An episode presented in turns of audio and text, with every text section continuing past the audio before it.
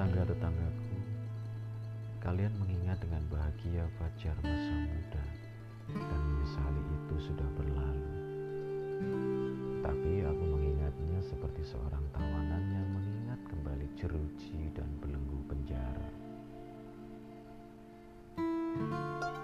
Kalian berbicara tentang tahun-tahun antara masa kanak-kanak dan masa muda sebagai masa keemasan bebas Tetapi aku menyebut tahun-tahun itu masa duka cita yang hening, yang jatuh sebagai benih ke dalam hatiku, dan tumbuh dengannya dan tak dapat menemukan jalan keluar ke dunia pengetahuan dan kebijaksanaan sampai cinta datang dan membuka pintu hati dan menerangi sudut-sudutnya.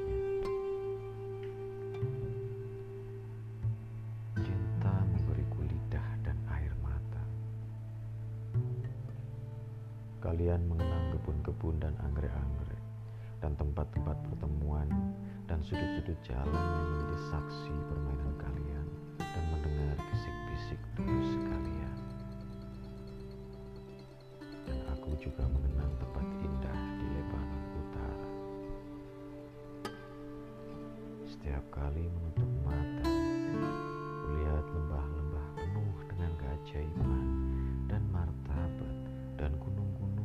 ditutupi dengan kegemilangan dan kebesaran yang mencoba menggapai langit. Setiap kali menutup telingaku terhadap hingar-bingar kota, aku mendengar gumam anak sungai dan gerisik cabang pepohonan.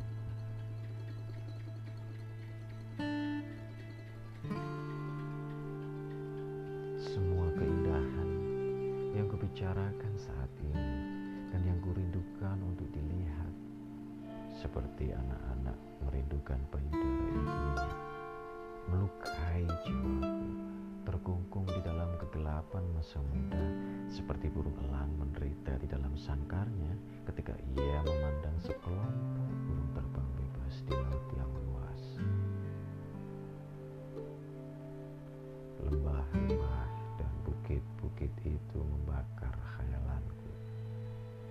tetapi pikiran-pikiran pahit menjalin jaring keputusasaan di seputar hatiku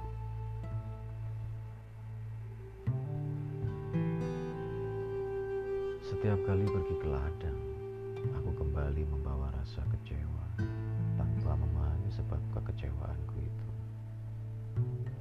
Setiap kali memandang ke langit kelabu, aku merasa jantungku mengecil. Setiap kali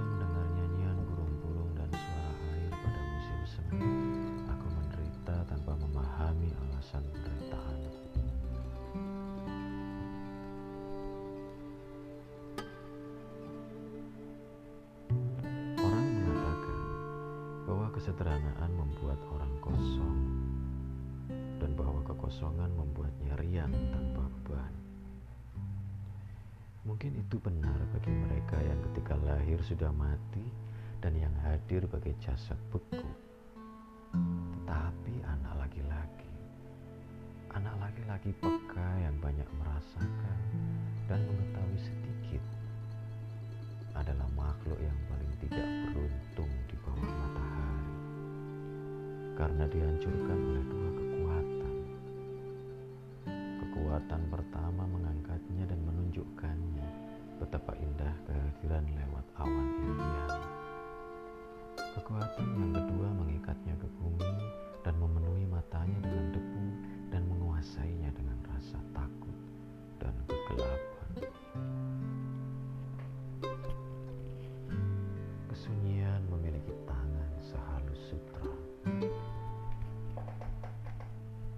jiwa anak laki-laki yang mengalami pukulan duka cita seperti lili putih yang baru saja berkembang.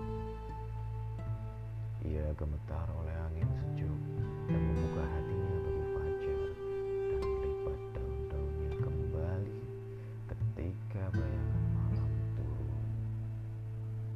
Jika anak laki-laki itu tidak memiliki hiburan atau teman dalam permainan, hidupnya akan seperti penjara sempit yang menyebabkannya hanya melihat jaring laba-laba dan mendengar serangga yang merayap.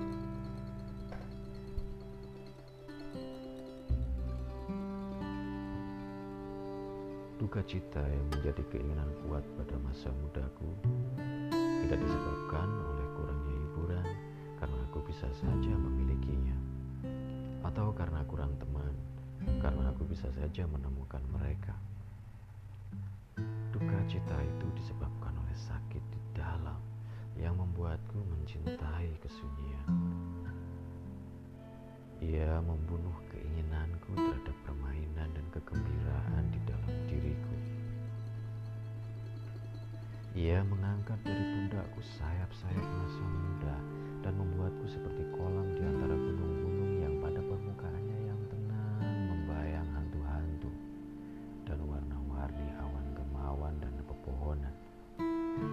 Tetapi tidak dapat menemukan jalan keluar bagi nyanyian yang menuju laut.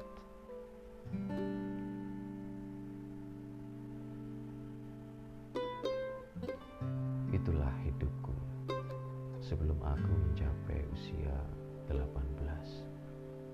Tahun itu seperti puncak gunung dalam